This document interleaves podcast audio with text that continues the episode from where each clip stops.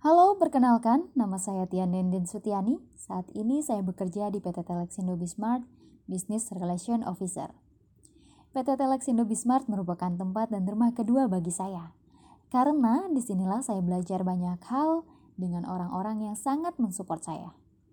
Pertama kali saya hadir dan bergabung dengan PT Telexindo Bismart, saya seperti menemukan keluarga baru. Sambutan yang hangat dari rekan-rekan kerja baru saya membuat kesan pertama sangat nyaman bagi saya. Hingga tak terasa, hampir satu tahun saya bergabung di sini bersama orang-orang yang sangat hebat.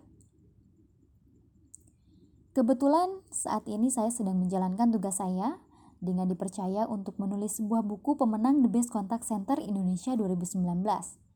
Yang mana kita ketahui The Best Contact Center Indonesia merupakan rangkaian lomba tahunan yang dilaksanakan khusus untuk anggota ICCA yang telah banyak melahirkan juara-juara dari para praktisi kontak center di Indonesia. Menulis sebuah buku adalah pengalaman baru bagi saya. Dan ini adalah kali pertama bagi saya terlibat dalam pembuatan sebuah buku yang di dalamnya terdapat berbagai cerita para pemenang medali bronze The Best Contact Center Indonesia 2019 yang tentunya akan sangat menginspirasi bagi kita semua. Nah, bagi sebagian orang, menulis buku adalah sesuatu yang sia-sia dan sangat membosankan. Tidak sedikit pula yang berpendapat bahwa tidak ada keuntungan menulis buku sama sekali. Kondisi tersebut tidak dapat dilepaskan dari proses panjang yang harus dilalui oleh seorang penulis sebelum buku yang ditulisnya berhasil diterbitkan. Pada kenyataannya, asumsi orang-orang yang tidak menyukai aktivitas menulis memang benar adanya. Menulis buku memang memerlukan waktu yang relatif lama dan terkadang membosankan, terlebih mereka yang pada dasarnya tidak terlalu menyukai dunia kepenulisan. Bahkan, menulis buku tidak hanya membutuhkan pengetahuan atau asumsi yang kita miliki, tetapi juga membutuhkan data-data nyata yang bisa dijadikan sarana untuk memperkuat argumen kita. Oleh karena itu, terkadang kita memerlukan waktu yang tidak sedikit untuk mengumpulkan data-data tersebut baik melalui metode desk study atau melakukan wawancara langsung dengan narasumber.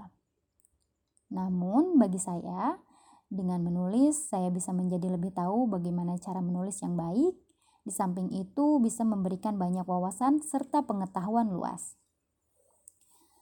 Hal menarik bagi saya ketika menulis buku pemenang ini adalah saya harus banyak mengenal karakter pemenang melalui materi slide dan video presentasi saat lomba berlangsung.